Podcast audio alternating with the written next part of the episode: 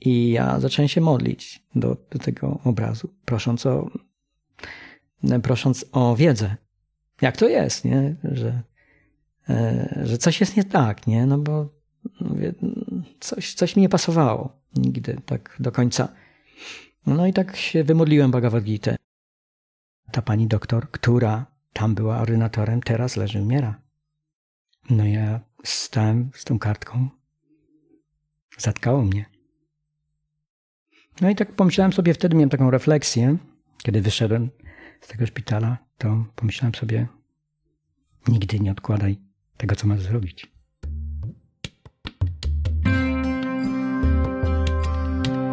Girlandy Kryszny. W tej audycji znajdziesz rozmowy wielbicieli Kryszny. Usłyszysz tutaj ich historię, doświadczenia i refleksje. Porozmawiamy o tym, dlaczego podjęli proces bhakti yogi, jak sobie radzą w życiu, jakie są ich wyzwania i marzenia.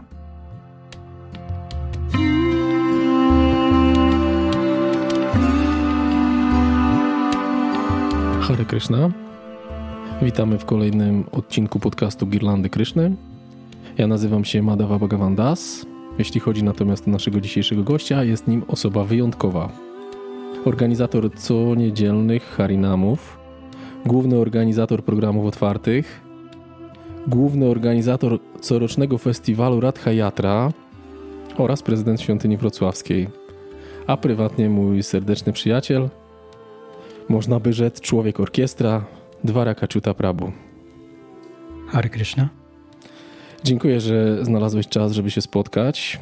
No właśnie, a propos spotkań. Pamiętasz, gdzie się pierwszy raz spotkaliśmy? Oj, trudne pytanie. Sięgam pamięcią, myślę, że to był jakiś program otwarty albo tak. festiwal w Jaworze? No właśnie, nie w Jaworze. Myślę, że być może widzieliśmy się gdzieś już wcześniej, ale tak naprawdę taki nasz y, spotkanie, które ja zapamiętałem, to był program otwarty w Złotoryi w 2006 roku. Pamiętasz ten program? Program pamiętam. Było wtedy dużo ludzi. No właśnie, jak wspominasz ten program? Przypomnij proszę, czy to był program w Domu Kultury? Czy... Tak, dokładnie to był ten w Domu Kultury, tylu baktów. To był chyba jeden z większych programów wtedy, nie? Pamiętam, że było też dużo osób. Cieszę się zawsze, kiedy na programie otwartym jest tak licznie. Jest dużo, dużo satysfakcji. Wiem, że dużo osób było też również z wielbicieli, także obsługa była taka, wiele, wiele osób było. Kto gotował? Yy... Wydaje mi się, że wtedy to gotowanie było podzielone, bo tam mm -hmm. pamiętam, że też między innymi właśnie dlatego przyjechaliśmy do Złotoryi na program otwarty, bo Stasiu Chmura nas zaprosił i zapytał, czy możemy coś ugotować. Pamiętam, że wtedy jeszcze w Polsce mieszkał Gopalaczaria. On gotował. Tam było kilka osób ze Złotoryi Baktowie gotowali, także to było takie takie spotkanie, że tak powiem, i wielbicieli, i spotkanie ze świadomością Kryszny. No, tak mi się wydaje, że to tak było. To był pierwszy z programów otwartych, który zapoczątkował późniejszą grupę Harinam, bo to wszystko wtedy się zaczęło i potem zaczęły się te spotkania, e, które były wyjazdowe na terenie całej, całego Dolnego Śląska praktycznie. Nie wiem, czy, czy, czy jak, jak w ogóle wspominasz ten czas tego właśnie okresu, tego takiego najbardziej um, rozbudowanego Harinamu, tej grupy Harinam. Czy mógłbyś coś powiedzieć o tym okresie? Bardzo intensywne programy, mm, również e, dużą częstotliwością. Były niemalże co miesiąc albo nawet częściej w różnych miejscach, tak wspomniałeś, e, od Kamiennej Góry po Nową Sól. I, no i to też było tak, że dużo osób brało w tym udział. Jeśli dobrze pamiętam, na, na YouTube jest taki film e, z okazji jakiejś lecia Harinamu jako instytucji, e, gdzie jedna z Mataji chyba zrobiła taki film pamiątkowy, gdzie były zdjęcia, w których ile osób uczestniczyło w formie chyba też filmu albo takiego, takiego slideshow. No, to była grupa potężna. Było kilkanaście czy nawet kilkadziesiąt osób. Tak, to prawda. Tam pamiętam, nie wiem, czy pamiętasz, tam były praktycznie od każdego hmm, takie różne funkcje, różne osoby pełniły, nie? Były osoby, które zajmowały się harinamami, były osoby, które zajmowały się programem od sceny, byli kucharze, także to było naprawdę bardzo zorganizowane. Jak ci się udało to, że tak powiem, zorganizować te wszystkie? Bo wiadomo, że baktowie są dosyć mocnymi indywidualnościami i raczej nie jest łatwo tak zorganizować tak, taką grupę. Tak. Y, każdy, z tych osób, każda z tych osób przejawiała jakąś, jakiś talent i, i to było podzielone na, na to, y, w jakiej, w jakiej funkcji czuła się ta osoba najlepiej i taką też służbę wykonywała. Począwszy od y, reklamy, zdobywaniu kontaktów czy e, kultywowaniu tych, e, tych osób poprzez właśnie kontaktowanie się, wysłanie później już SMS-ów. Mieliśmy tak zwaną listę mailingową, wysyłanie nawet zaproszeń takich pocztą, drogą pocztową. Myślę, że to taka no, też powaga tych osób, ich entuzjazm przełożył się na to, że wszystko było tak niezwykle zorganizowane z korzyścią dla wszystkich. Dobrze. Do obszarów Twojego działania w świadomości Kryszny jeszcze wrócimy, ale chciałbym, abyśmy się razem cofnęli trochę w czasie. Taka mała retrospekcja. Jakbyś miał przypomnieć sobie dzieciństwo, to co pierwsze przychodzi Ci do głowy, tak z Twojego dzieciństwa? Jeżeli, jeśli sięgnę pamięcią, to Pamiętam czas y, przedszkole i jeszcze przed przedszkolem mm, no, różnego rodzaju wrażenia, które gdzieś się tam utkwiły w pamięci. Mm. I jako chłopiec, taki właśnie no, dziecko, y, już miałem takiego rodzaju myśli y, i pytania, które no, zadręczałem wręcz dorosłych, czy mamy, czy tatę, pytając o sens życia, o cel życia, dlaczego ludzie umierają. Będąc w przedszkolu na przykład e, zastanawiałem się, dlaczego ktoś bawi się taką zabawką, a nie inną. Ktoś staje się w jakiś sposób liderem, tak? Wtedy, wtedy myślałem o takich osobach, że w jakiś sposób przyciąga, tak? Jak, jak w zabawach późniejszych. Wiadomo, że w moim dzieciństwie bawiliśmy się określonymi zabawkami, nie było takich, te, takich jak teraz, e, zaawansowanych technologicznie na baterie, na radio. I no już wtedy przejawiałem takie, takie, to, takie pytania e, o, o, o pewnego rodzaju mm, przyczyny, dlaczego tak się dzieje, a nie inaczej. Przyglądając się temu. Byłem takim małym obserwatorem, co później też zrodziło się no, w takie dalsze dociekania o taką, można powiedzieć, introspekcję. Czy można powiedzieć, że pochodzisz z rodziny uduchowionej, religijnej? Tak. Y, byłem w takiej rodzinie, gdzie mm, ta duchowość, religijność była kultywowana. Ojciec y, chodził do kościoła, również udzielał się też y, w budowaniu kościoła. Pamiętam, że ksiądz przychodził po kolędzie, to była otwierana kartoteka i w tej kartotece było zapisane, że aha, tak, tutaj gospodarz czy mm, pan domu, jakby to określić, jest zaangażowany czy w budowaniu kościoła był zaangażowany i tam było zapisane. Więc przy kolejnych wizytach no, ja tam nabierałem dumy, że mój ojciec tam był zaangażowany. Ja natomiast byłem też później, no to był, mógł mieć 6, może 7 lat, byłem ministrantem. Także już służyłem do ołtarza, jak się tak mówiło potocznie.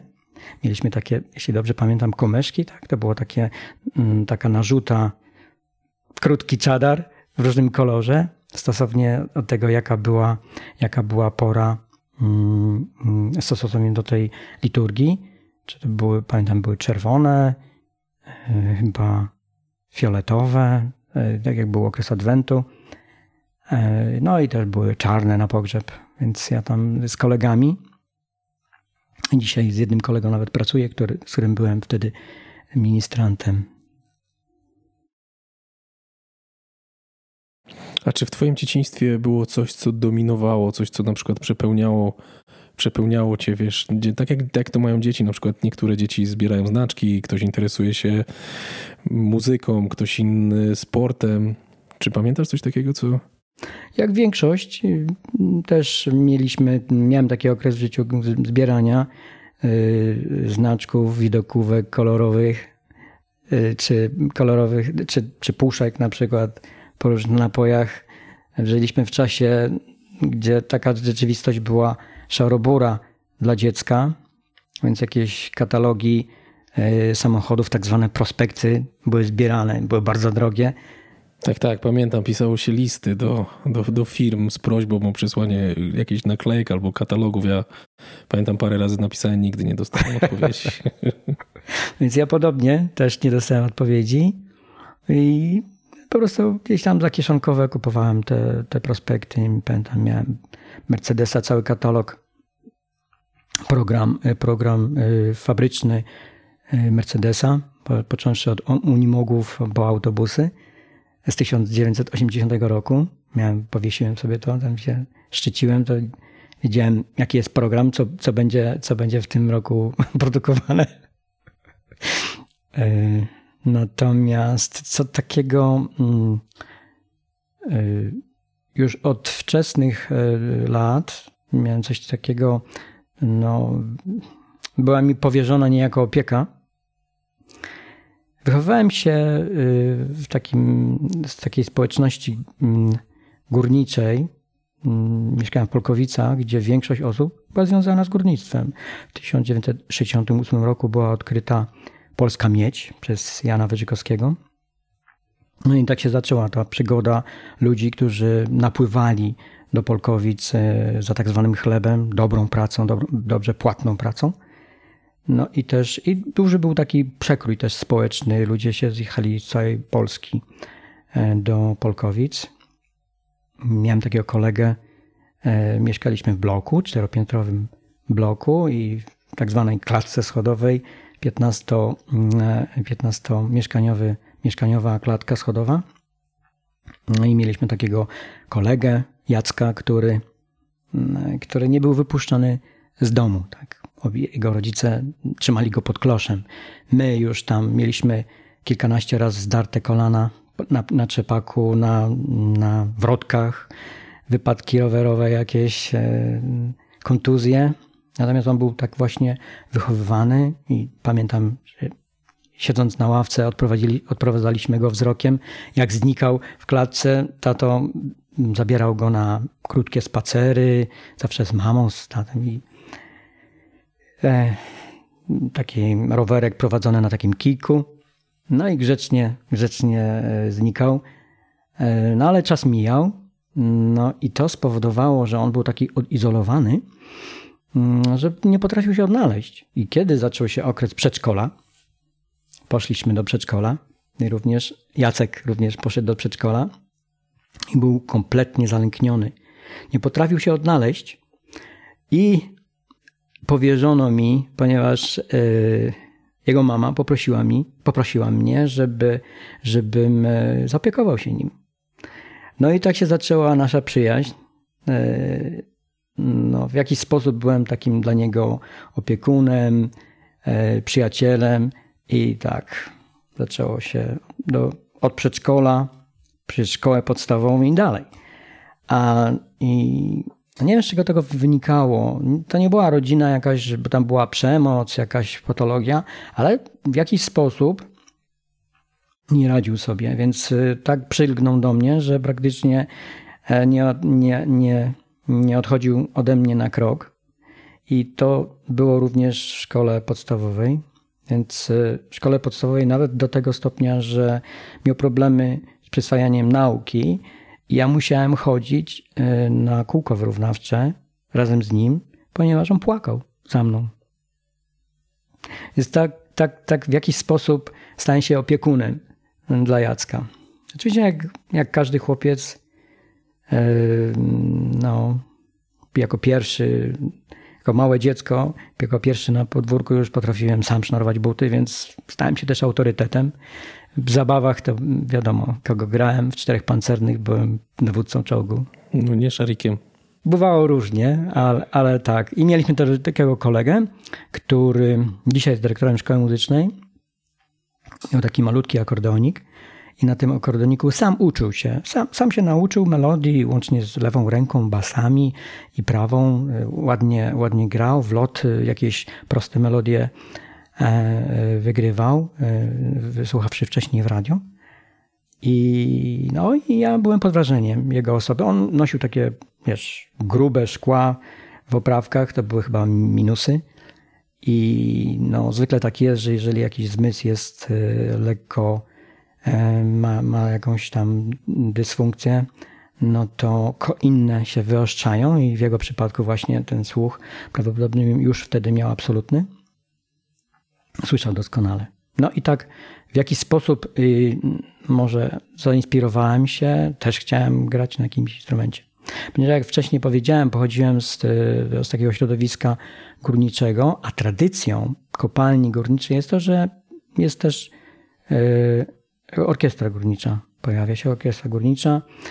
E, bogaty region, bogate miasto, były pieniądze, więc, e, więc powstała orkiestra górnicza w 1970 roku. I po jakimś czasie mm, był też na rybek. Dzisiaj to by był casting. E, I, I udałem się, ponieważ chodziłem tej, do podstawowej szkoły na ulicy Kmicica, całkiem blisko, blisko mnie. I większość sąsiadów grało w tej orkiestrze. Co ciekawe, mój sąsiad z góry, także ja już, już od najmłodszych lat, jak on robił jakieś, e, no, przygotowywał się, ćwiczył po prostu, e, to, mm, to już się oswajałem z tą e, muzyką. I, no i udałem się, jak dowiedziałem się w szkole przez Radią Węzeł, że jest nabór do orkiestry i jest utworzona taka jakby szkółka. Przeszedłem pomyślnie egzamin ze słuchu, z rytmiki i, i zacząłem się uczyć. I to była, że tak powiem, moja y, przygoda z muzyką. Zacząłem się co uczyć y, na trąbce. Tak, na trąbce. I, i, no i później też grałem właśnie w kościele w jakiejś, przy jakichś okazjach, jak już nauczyłem się grać na tej trąbce. E, graliśmy kolendy mm, w kościele, w jakichś takich. E, pamiętam, że na 26 maja, tak? Jeśli to jest Dzień Matki, jeśli dobrze pamiętam. 26 e, maja, Dzień Matki, ponieważ wtedy kwitną wszystkie kwiaty. Tak słyszałem. E, grałem, e, był taki ksiądz, który zażyczył sobie, żebym się nauczył ciszy na trąbce. Ciszę, ten słynny utwór, cisza. I zagrałem właśnie, nie, moja mama, to była niespodzianka, bo moja, moja mama, bo to była msza właśnie za, e, za dedykowana matką. No ja na chórze zagrałem, tak pierwszy, to był mój taki debiut. Udało się bez kiksu pomyłek.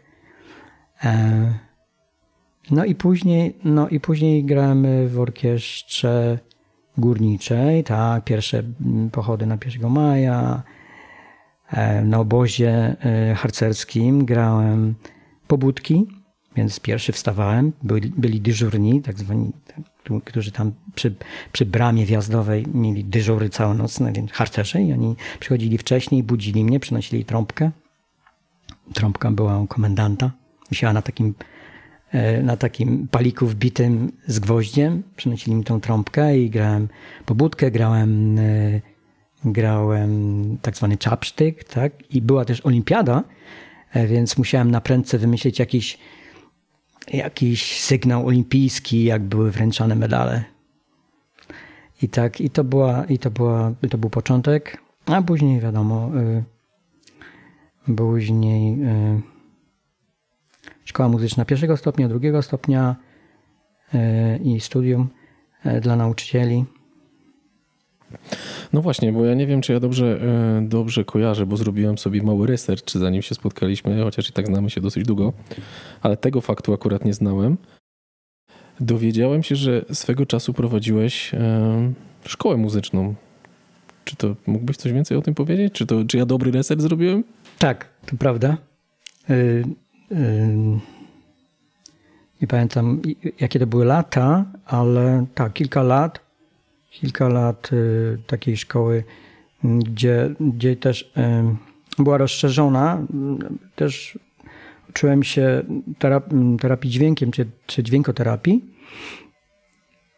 Mogłem tam też dawać takiego, e, tego rodzaju lekcje. Natomiast e, to była szkoła prywatna, prywatne studium muzyki, gdzie, gdzie było kilka, to było połączone, e, gdzie można było kilka instrumentów, na kilka instrumentów przyjść, uczyć się, począwszy tam gitarę, ja prowadziłem teorię muzyki, klarnet, kształcenie słuchu i wszystkie inne teoretyczne mm, przedmioty, które były potrzebne do, do tego, żeby po, e, posiąść tą wiedzę muzyczną. Czyli można powiedzieć, że masz jakichś absolwentów swojej szkoły muzycznej, na przykład takich, których spotykasz gdzieś i pytasz się, co u nich słychać? Tak. E, to miłe jest, bo czasem nie pamiętam te, tych osób. To były no, nastoletnie osoby albo i młodsze. Więc czasami ktoś idzie i mówi mi dzień dobry, a ja nie pamiętam, kto to nie wiem, to no, zmieniły się już i, i, U mnie też to się zdarza, ale to wynika z tego, że ja mam słaby wzrok, także to bardziej z tego, z tego wynika. Też mi czasem ktoś mówi dzień dobry albo cześć, ja już, od, hmm. że tak powiem, z automatu odpowiadam każdemu, także bo akurat mam... No tak, to są dla mnie trudne sytuacje, bo tych uczniów rzeczywiście, mówiąc potocznie, przewinęło się wielu i pamiętam tak w markecie jakąś, ktoś do mnie podjeżdża wózkiem cała rodzina i tak jakby chcąc wymienić ze mną jakieś zdanie, a ja tak klucze pamięci i nie wiem, kto to jest.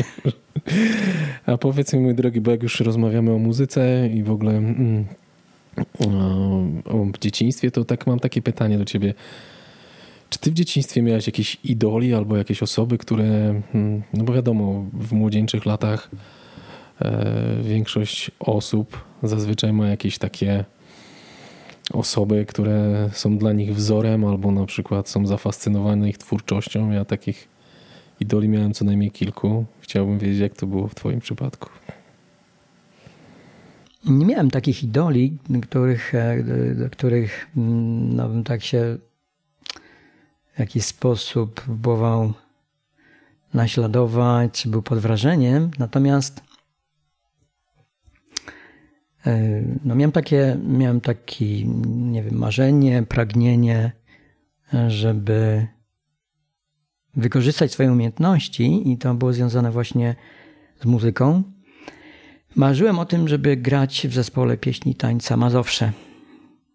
No, dużo, dużo o tym wiedziałem, ponieważ y, później po trąbce kolejnym instrumentem, który y, opanowałem dość dobrze, to był klarnet. No już, już wtedy mm, pamiętam, że e, w, e, to było 84 rok, albo dalej, nie, przepraszam, dalej było.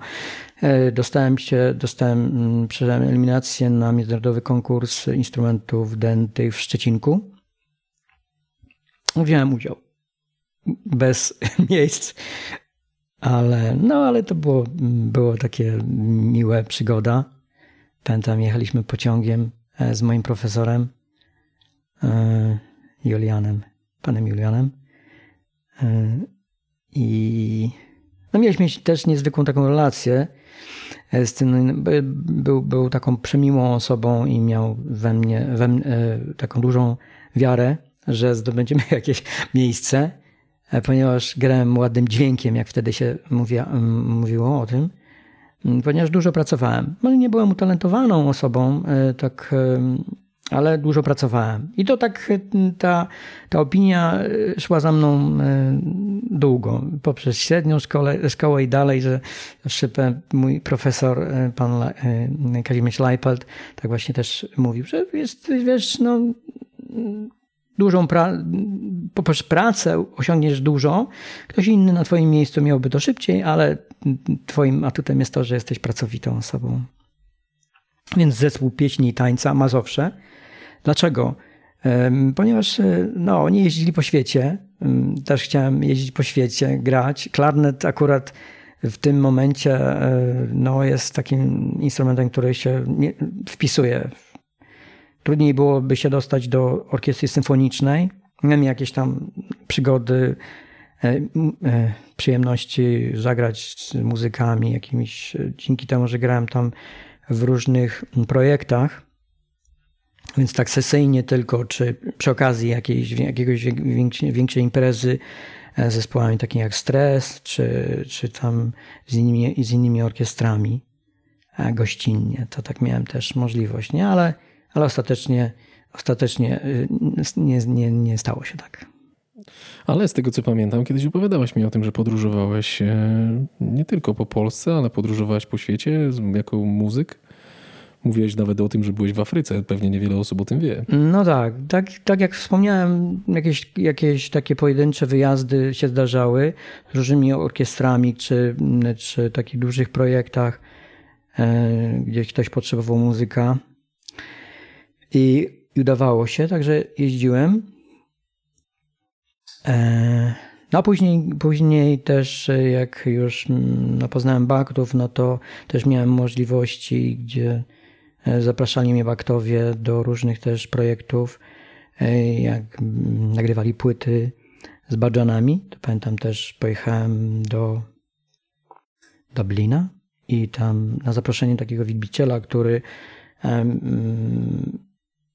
nagrywał płytę i potrzebował właśnie kilka instrumentów różny, różnych i polegało to na tym, że ja do niego przyjechałem i, i on mnie poprosił, żebym grał różnego rodzaju gatunki, coś na pograniczu jazzu, jakieś e, to, co czuję do jego badżanów.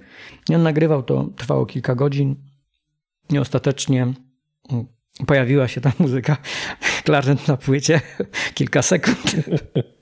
Wydał chyba osiem płyt, osiem płyt, tak.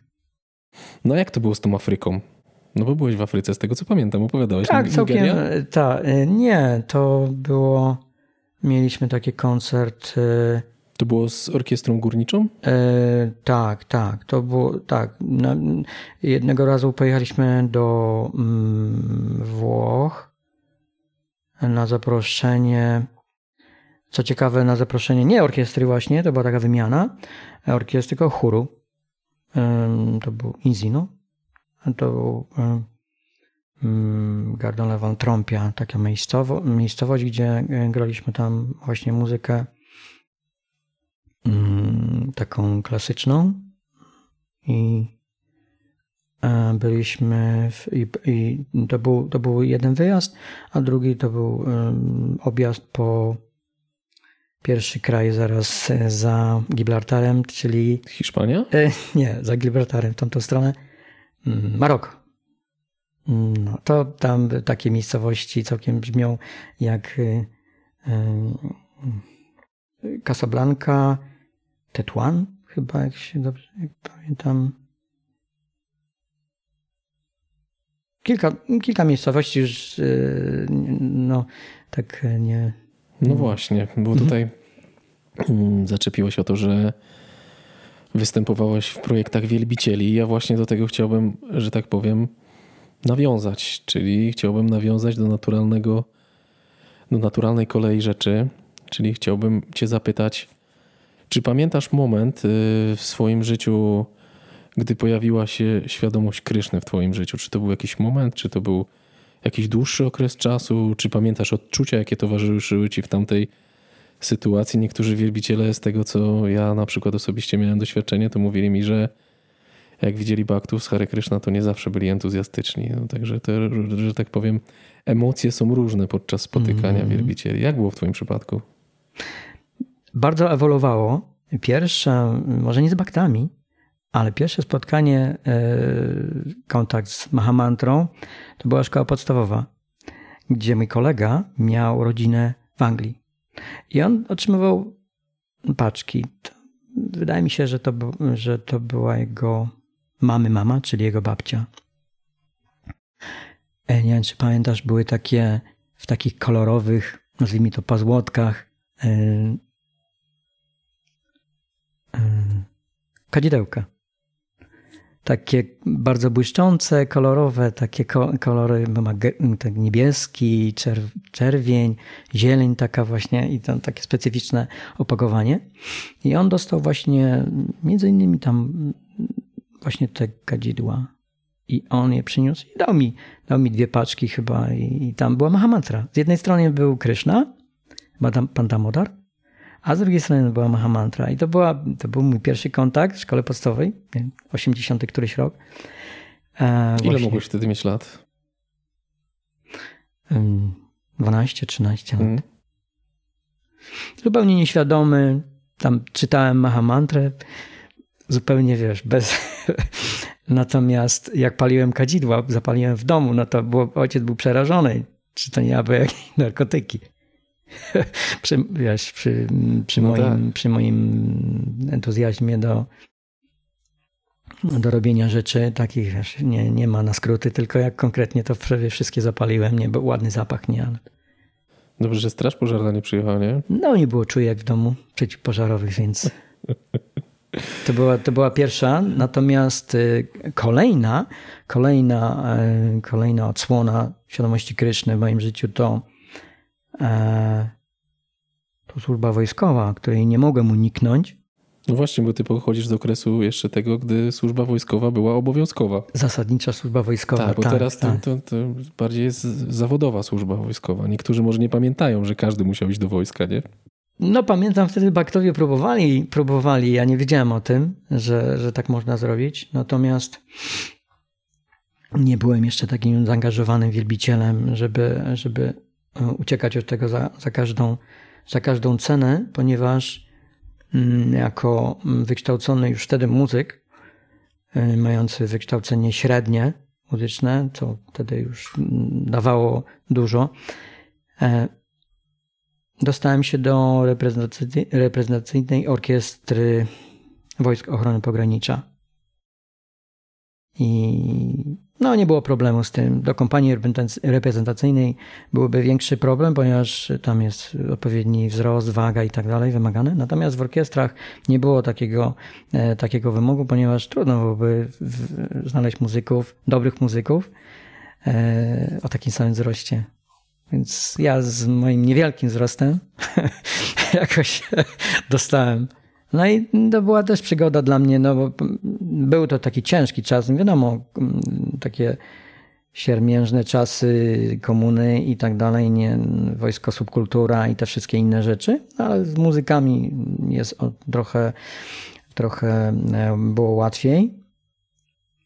I wtedy, no tak, no całkiem, całkiem dobrze to te dwa lata. I co i tam wtedy, w jaki sposób miałeś kontakt z wielbicielami? E, dzieliłem, tak powiem, vis-a-vis mojego, mojego łóżka, e, tak zwanej pryczy wojskowej. E, był, był chłopak, który grał przed wojskiem w obstawie prezydenta. Był perkusista i on intonował mantrę Hare Krishna. No i tak jakieś miał tam też czy można powiedzieć, że on był baktą takim z prawdziwego zdarzenia? Czy... nie, nie, nie, nie. Tylko, tylko tyle, że znał, znał Mahamantrę i, i, i tak jakiś tam przebłysk miałem. Mówię, to skąd to znasz, nie? Tak fajne. To jest, to jest, to jest ciekawe, nie? Gdzieś tam, coś tam czytałem. Wiadomo, czasy, no, ktoś tam może miał broszurę jakąś, ale to, to nie, nie było praktykowanie takie jakieś tam początki może. A on był wegetarianinem? Nie, nie, nie, nie. Ja też nie byłem. To było też trudne. Znaczy próbowałem, ale to było bardzo, bardzo trudne. A skąd u Ciebie pomysł na wegetarianizm się pojawił? Mimo, że nie miałeś kontaktu z baktami, z tego co eee, dobrze rozumiem. Tak, tak. Eee, no tak e, miałem taki dysonans zawsze, bo mm, też mieliśmy rodzinę na wsi. Moja mama miała mamę, czyli moja babcia miała e, rodziny, mieli gospodarstwo i zawsze pojawiało się jakieś zwierzątko. I, I z tego właśnie tytułu zawsze miałem takie no, wyrzuty, nie, że e, jak to jest, nie? Zaprzyjaźniałem się i pamiętam jakiś królik komuś uciekł z innego gospodarstwa i, i no i mm, no i to był taki przyjaciel domu, nie? Taki, no, coś, co, no, miła, żywa istota, która, która czuła, która przychodziła, jak się woła i, i pamiętam, że, że też ojciec nawet miał problemy, były problemy z mięsem no i hodował świnię. No i tą świnię no, musiał później zabić. Trzeba nie zrobił tego sam, ale zlecił to rzeźnikowi, no i miał, miał po prostu, wiedziałem, że był bardzo smutny z tego powodu, bo się do niej przywiązał, no, nawiązali jakąś relację, nie? I wtedy, wtedy zobaczyłem, że no, to jest, no, zwierzęta mają uczucia, nie? I to tak jakoś miałem dysonans z tego powodu i też Czyli można, czyli można powiedzieć, że Twój wegetarianizm był troszeczkę wcześniej, zanim poznałeś świadomość Kryszny? Można tak to powiedzieć? Miałem takie inklinacje, no tak, ale nie było, nie było to takie, takie wiesz, e, do, dokładne i gdzieś sobie pozwalałem na, na jakieś, no wojsko to było no, trudne. Natomiast ja, bardzo dbałem też o relacje z, z ludźmi, to zawsze, zawsze jeżeli się kimś zaprzyjaźniałem, to E, to, mm, no to, to mm, tak na całego. I no i w wojsku mm, chodziłem do kucharzy. Oni mieli ciężką pracę, wiadomo, gotowanie na kilkaset osób. I e, była tam wymiana. Przyjaźniłem się też, był też e, taki oddział kontrwywiadu. I pożyczałem im akordeon, ponieważ mieliśmy wszystkie instrumenty w wojsku, w orkiestrze, bo była też tak zwane tak zwany taki es, taka estrada, która wyjeżdżała na jakieś koncerty tam do koło brzegu, albo do innych miejscowości. Coś w rodzaju takiej, wiesz, no, takiego, takiego zespołu artystycznego. I no, było takie szerokie instrumentarium, więc y, albo ci chłopcy z kontrwywiadu, żołnierze przychodzili i ja opowiadałem im jakieś dowcipy, jakieś scenki, albo do kucharzy zabawiałem ich E, w czasie wolnym i miałem wymianę za to. Nie? Oni mi smażyli placki ziemniaczane, robili frytki. No i ten, ten wegetarianizm y, był taki sobie, nie? Powiedz mi, nie był jeszcze taki ścisły.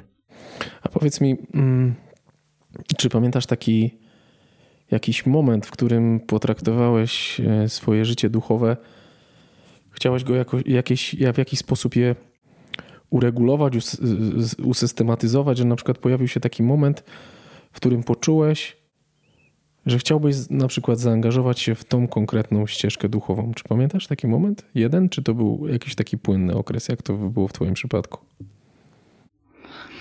Kiedy przeczytałem Bhagavad Gita, kiedy otrzymałem Bhagavad Gita, trafiłem na Bhagavad Gita i to wtedy taki był... No... To Bhagavad Gita była pierwszą książką, którą przeczytałeś? Czy wcześniej coś jeszcze było?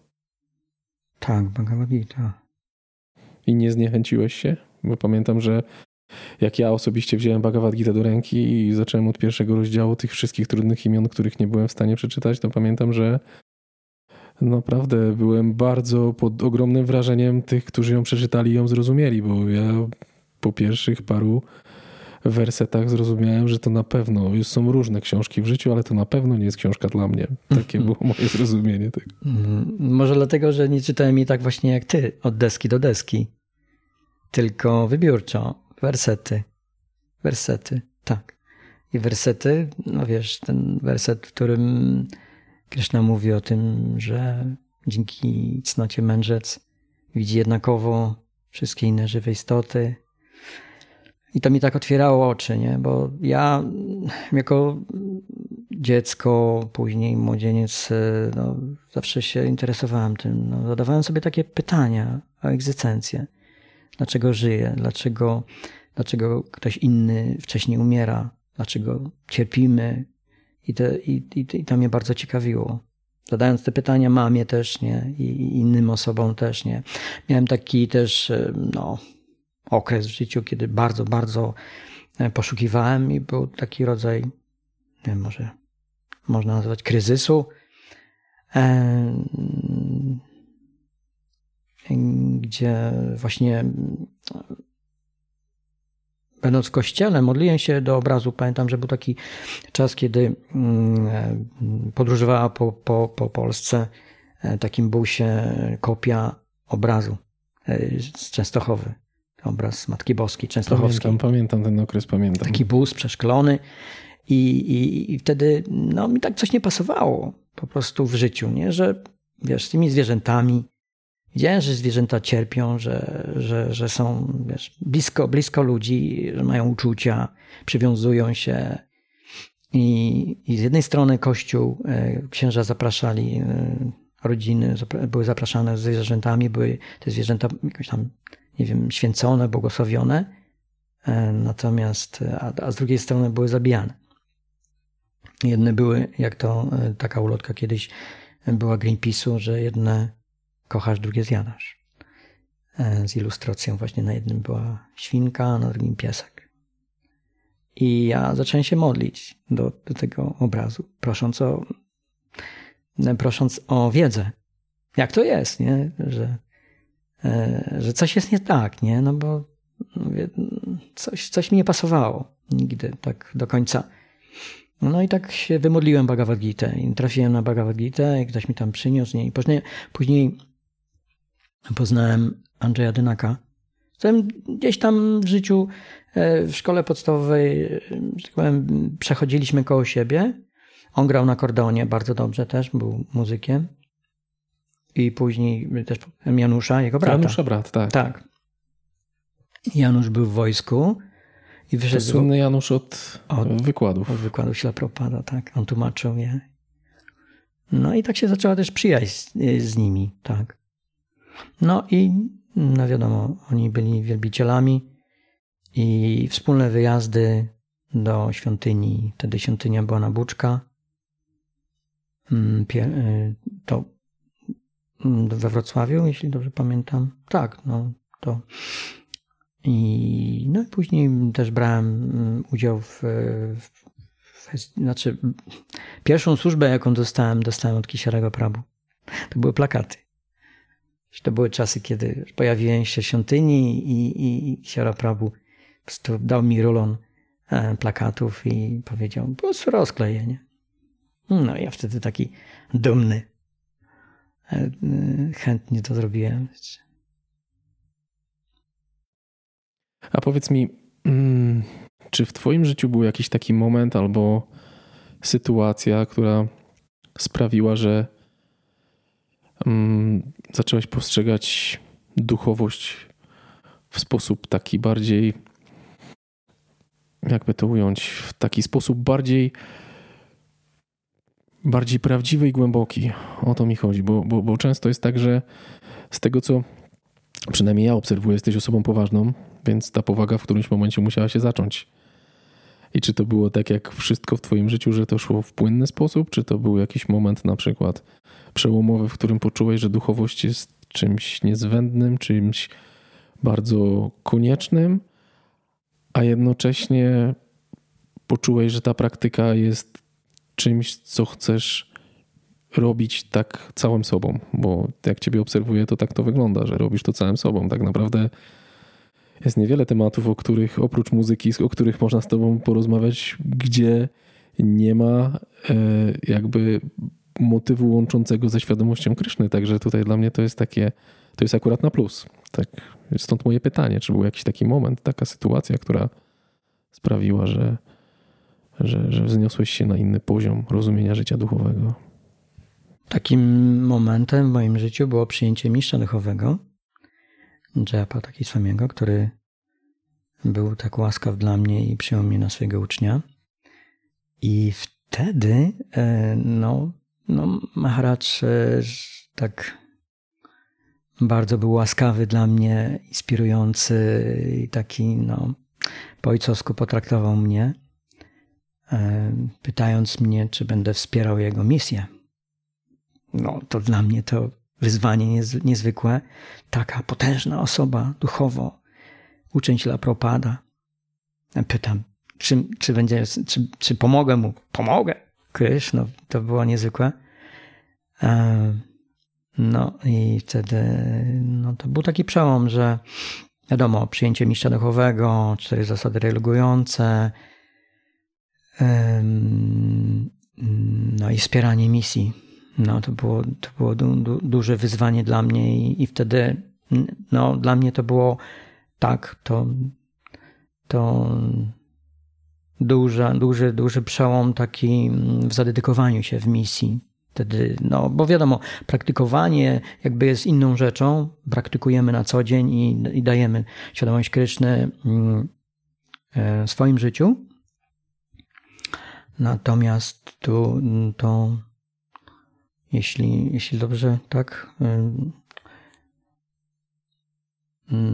to wtedy, to wtedy taki był właśnie przełom, gdzie, gdzie z takiego praktykującego, praktykującej osoby e, no, dodałem do swojego życia jeszcze dzielenie się świadomością Kryszny i, i, i, z taką dużą motywacją, no i dużym takim wsparciem, błogosławieństwem swojego guru. Mogłem się, mogłem się, mogę, mogę się zaangażować e, właśnie w tego rodzaju działalność misyjną.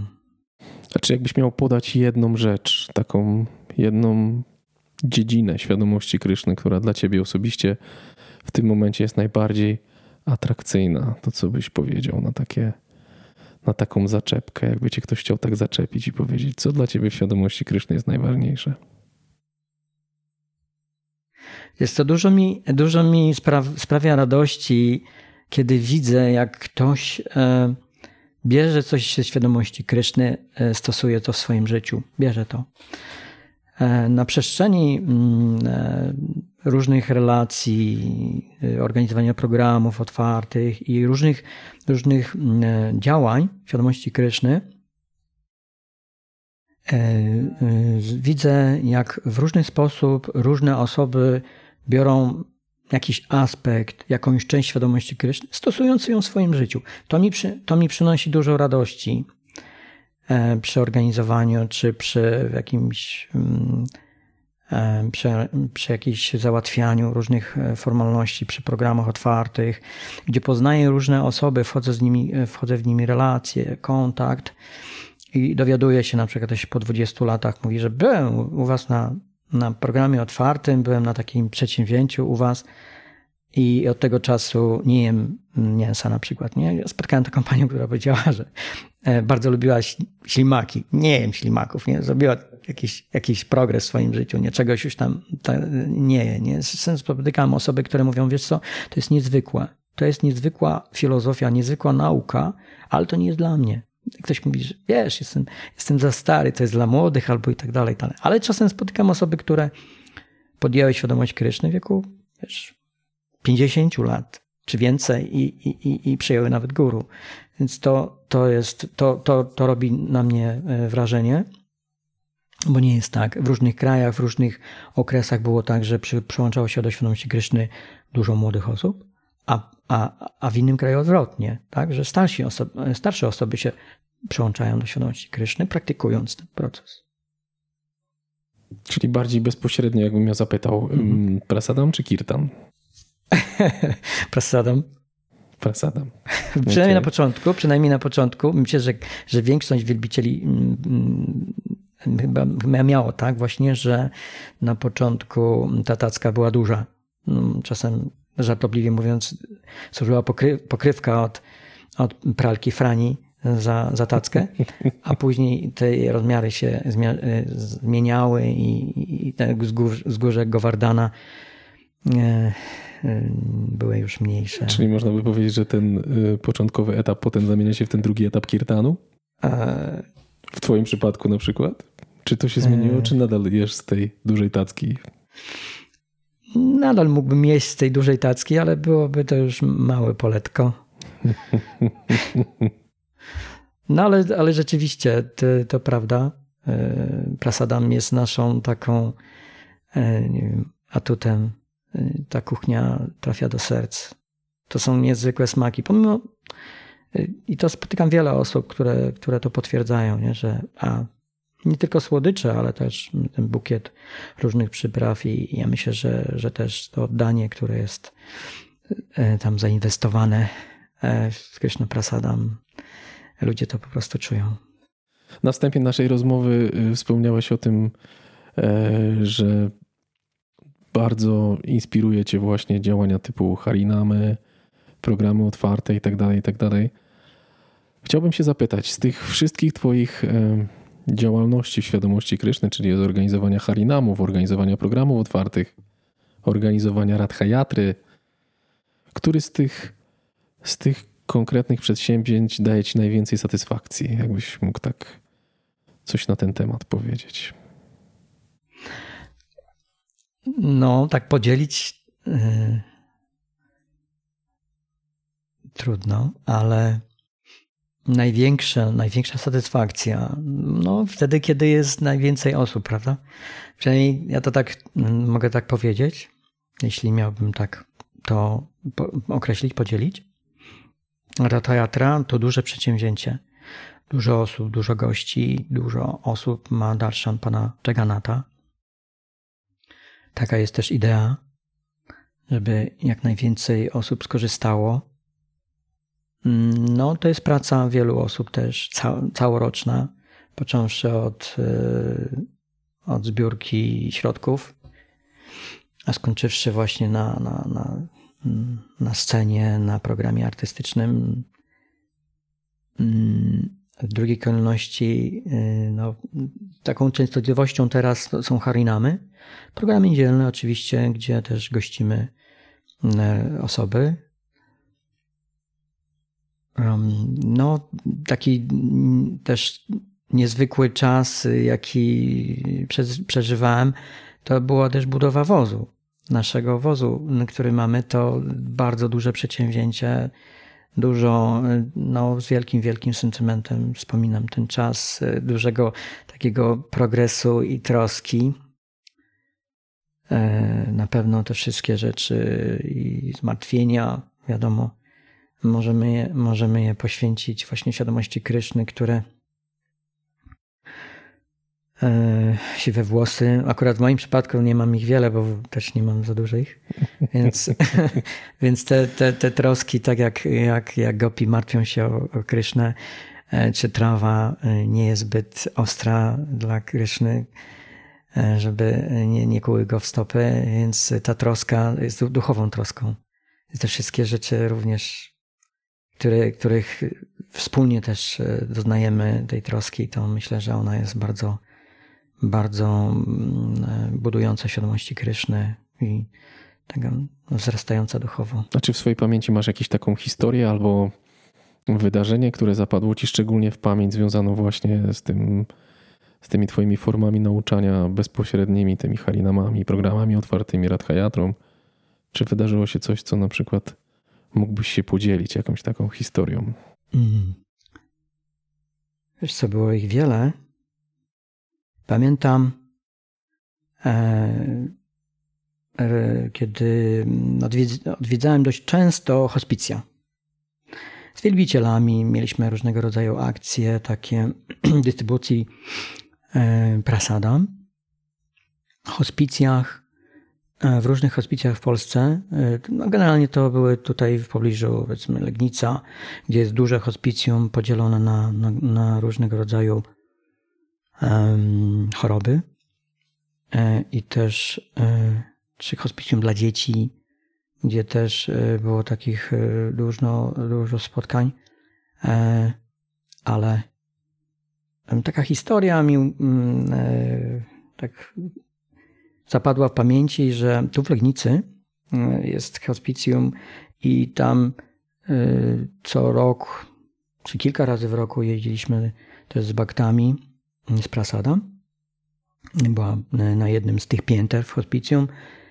Była taka przemiła pani doktor, która była neurologiem i ona tam była chyba ordynatorem tego, tego oddziału i no i zwykle, kiedy, kiedy rozdawaliśmy y, tam tym osobom ten prasadam, e, no to rozdawaliśmy również person dla personelu. Paczki to było takie przemiłe.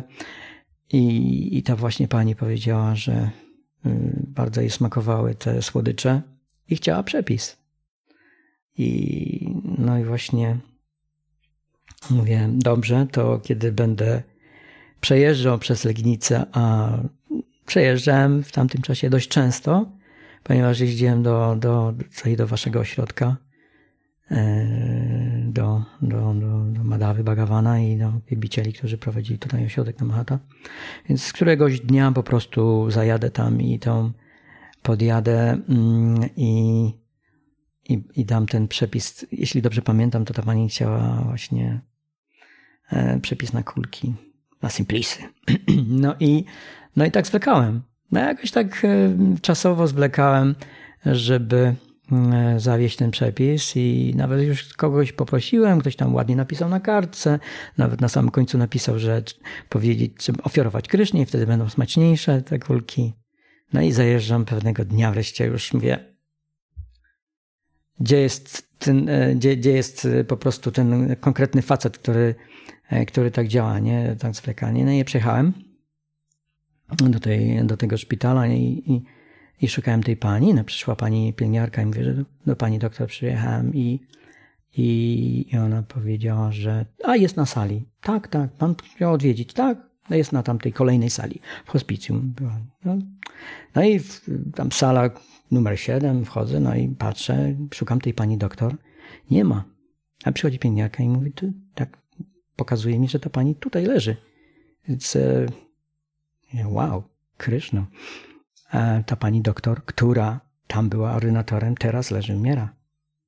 No ja stałem z tą kartką. Zatkało mnie.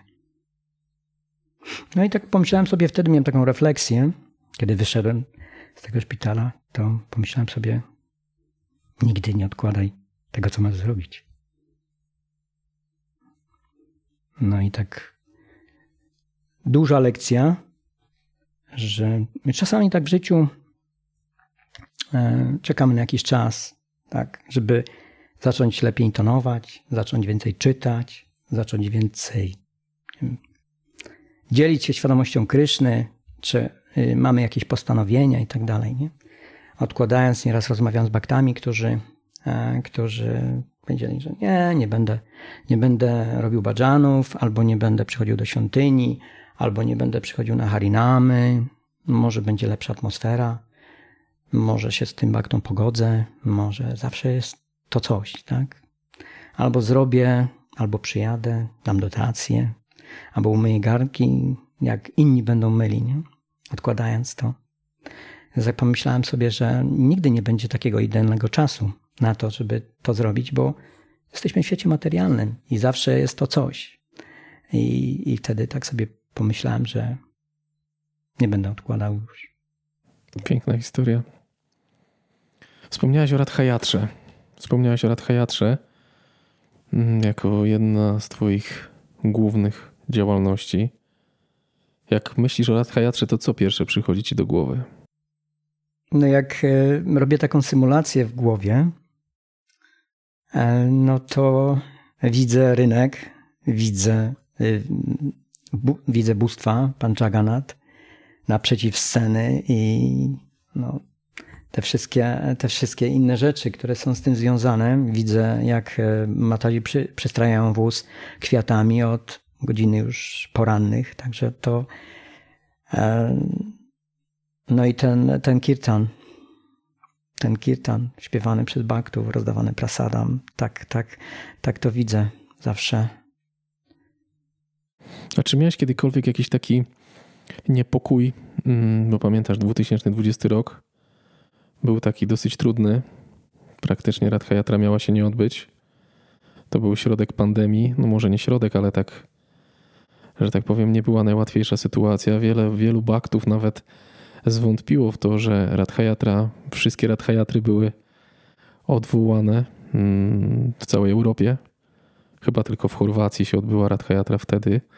I druga Radha to była we Wrocławiu. Mm, z tego co pamiętam, potem już, jak już tak troszkę się rozluźniło, to te Radha się gdzieś tam odbywały.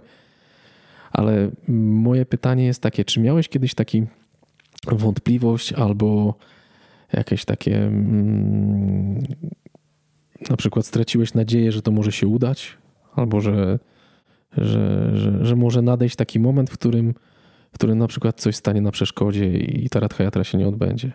Bo ja osobiście uważam, że Radhayatra w 2020 roku to była łaska pana Jagannatha bezpośrednia, bo byliśmy z tego, co mi opowiadałeś, to byliśmy jedyną imprezą w czerwcu, która nie została odwołana we Wrocławiu. Tak, to prawda. Myślę, że obawy mm, zawsze są jakieś, e, natomiast nie zwątpiłem. Zadzwoniła do mnie w styczniu mm, tego roku, kiedy była pandemia, pani, która nam od niemalże początku y, organizowania Ratayatry wypożycza sprzęt. E, mam na myśli tu scenę i całą infrastrukturę. I ona powiedziała mi, że, że wasza impreza się odbędzie, ponieważ y, to jest inna kategoria imprez. Y, tu decyduje o tym ktoś inny. Pani powiedziała od sceny, więc jakby wszystkie znaki na niebie i na ziemi mówiły, że się odbędzie, nie? Ale wiadomo, co się wtedy działo, prawda? To było bardzo, bardzo trudne. Zawsze jak, e, mm, jak wiesz, jest plan B. Więc taki też żeśmy przewidywali, ale nigdy, nigdy nie dopuszczałem do, do swojej myśli to, że się nie odbędzie. Zresztą może będzie to zuch, zbyt zuchwałe, co teraz powiemy, ale miałem, miałem w to wiarę, że, że tak, tak będzie. Na jakiś czas przed mieliśmy Darshan też tutaj, pamiętam, e, przez Zuma e, z Guru Maharajem, Jayapadakaswamim, którym, którym tak jakby niewerbalnie dostaliśmy błogosławieństwo i, i zieloną, e, zielone światło na przejazd dla pana Jagannatha. I wtedy myślę, że no, Krishna tutaj decyduje o tym, na Pan Czaganac dał tą łaskę dla, dla Wrocławia, dla tego miejsca, w którym jest niezwykła społeczność wielbicieli, niezwykła świątynia. Myślę, że to, to, to jest taka, taki prezent dla, dla wielbicieli. Z całej Polski też, ponieważ to jest e, jakby pragnienie tysięcy serc. I, i, I, myślę, że tak jak kiedy prosimy o coś, czasami guru proszą swoich uczniów o modlitwę. I ja jestem przekonany, że, że to właśnie to pragnienie i ta modlitwa wielbicieli e, sprawiła, że to, to ma miejsce. Sprzymierzeńcem zawsze jest pogoda, która od lat jest sprzyjająca, jest dobra. Nie? Pamiętam, że kiedyś też padał deszcz i ty Wikram wami wtedy powiedział, że gdyby, gdyby nie padał deszcz, byłoby tu tysiące osób. A czy nie uważasz, że to był taki trochę sprawdzian determinacji, że wtedy, gdy padał deszcz, ja pamiętam ten okres, to był 2000, 2017 chyba rok to był i pamiętam, że tak dosyć mocno, albo może później, i pamiętam, że tak dosyć mocno padało i wielu baktów było sfrustrowanych, że tyle pracy, tyle wysiłku i nie wiadomo, jak to wszystko się ułoży. I ja pamiętam, że ja miałem takie osobiście przemyślenie, że być może to jest właśnie taka determinacja. Pamiętam słowa Mahatmy Prabhu, że on właśnie wtedy powiedział, że tak naprawdę to nie ma znaczenia, ile my robimy, tylko że, że, że jednak robimy mimo wszystko, że nie poddajemy się, że nie jesteśmy jak materialiści, że gdy coś nie wychodzi, to po prostu to porzucamy i zostawiamy, tylko, tylko robimy i Kryszna zawsze przyjmuje 100%. To prawda. E, wtedy też mieliśmy gościa ze Stanów. Oprócz Mahatmy był chyba jeszcze, e, nie pamiętam imienia, Prabhu. Mm. Zewnętrznie, z punktu widzenia e, właśnie naszego punktu widzenia, no to tak wygląda. Nie? No wiadomo, że e, lepiej jest zdecydowanie, kiedy tyle pracy, prawda, środków jest włożonych w to i chcielibyśmy, żeby dużo osób skorzystało tego. Wiadomo, że dobra pogoda sprzyja, sprzyja temu, że ktoś mm, więcej osób przyjdzie. Ale tak jak powiedziałeś, e, czasami tak jest, że jest organizowany program i przychodzi jedna osoba. Pamiętam, chyba Tata Gopinat Prawo mi opowiadał, że zrobili taki duży wysiłek i, i, przyszła, i przyszła jedna osoba, taka jeszcze trochę nie do końca zrównoważona na jeden program, na jeden, jednym z programów, które, które były robione. Więc yy, yy,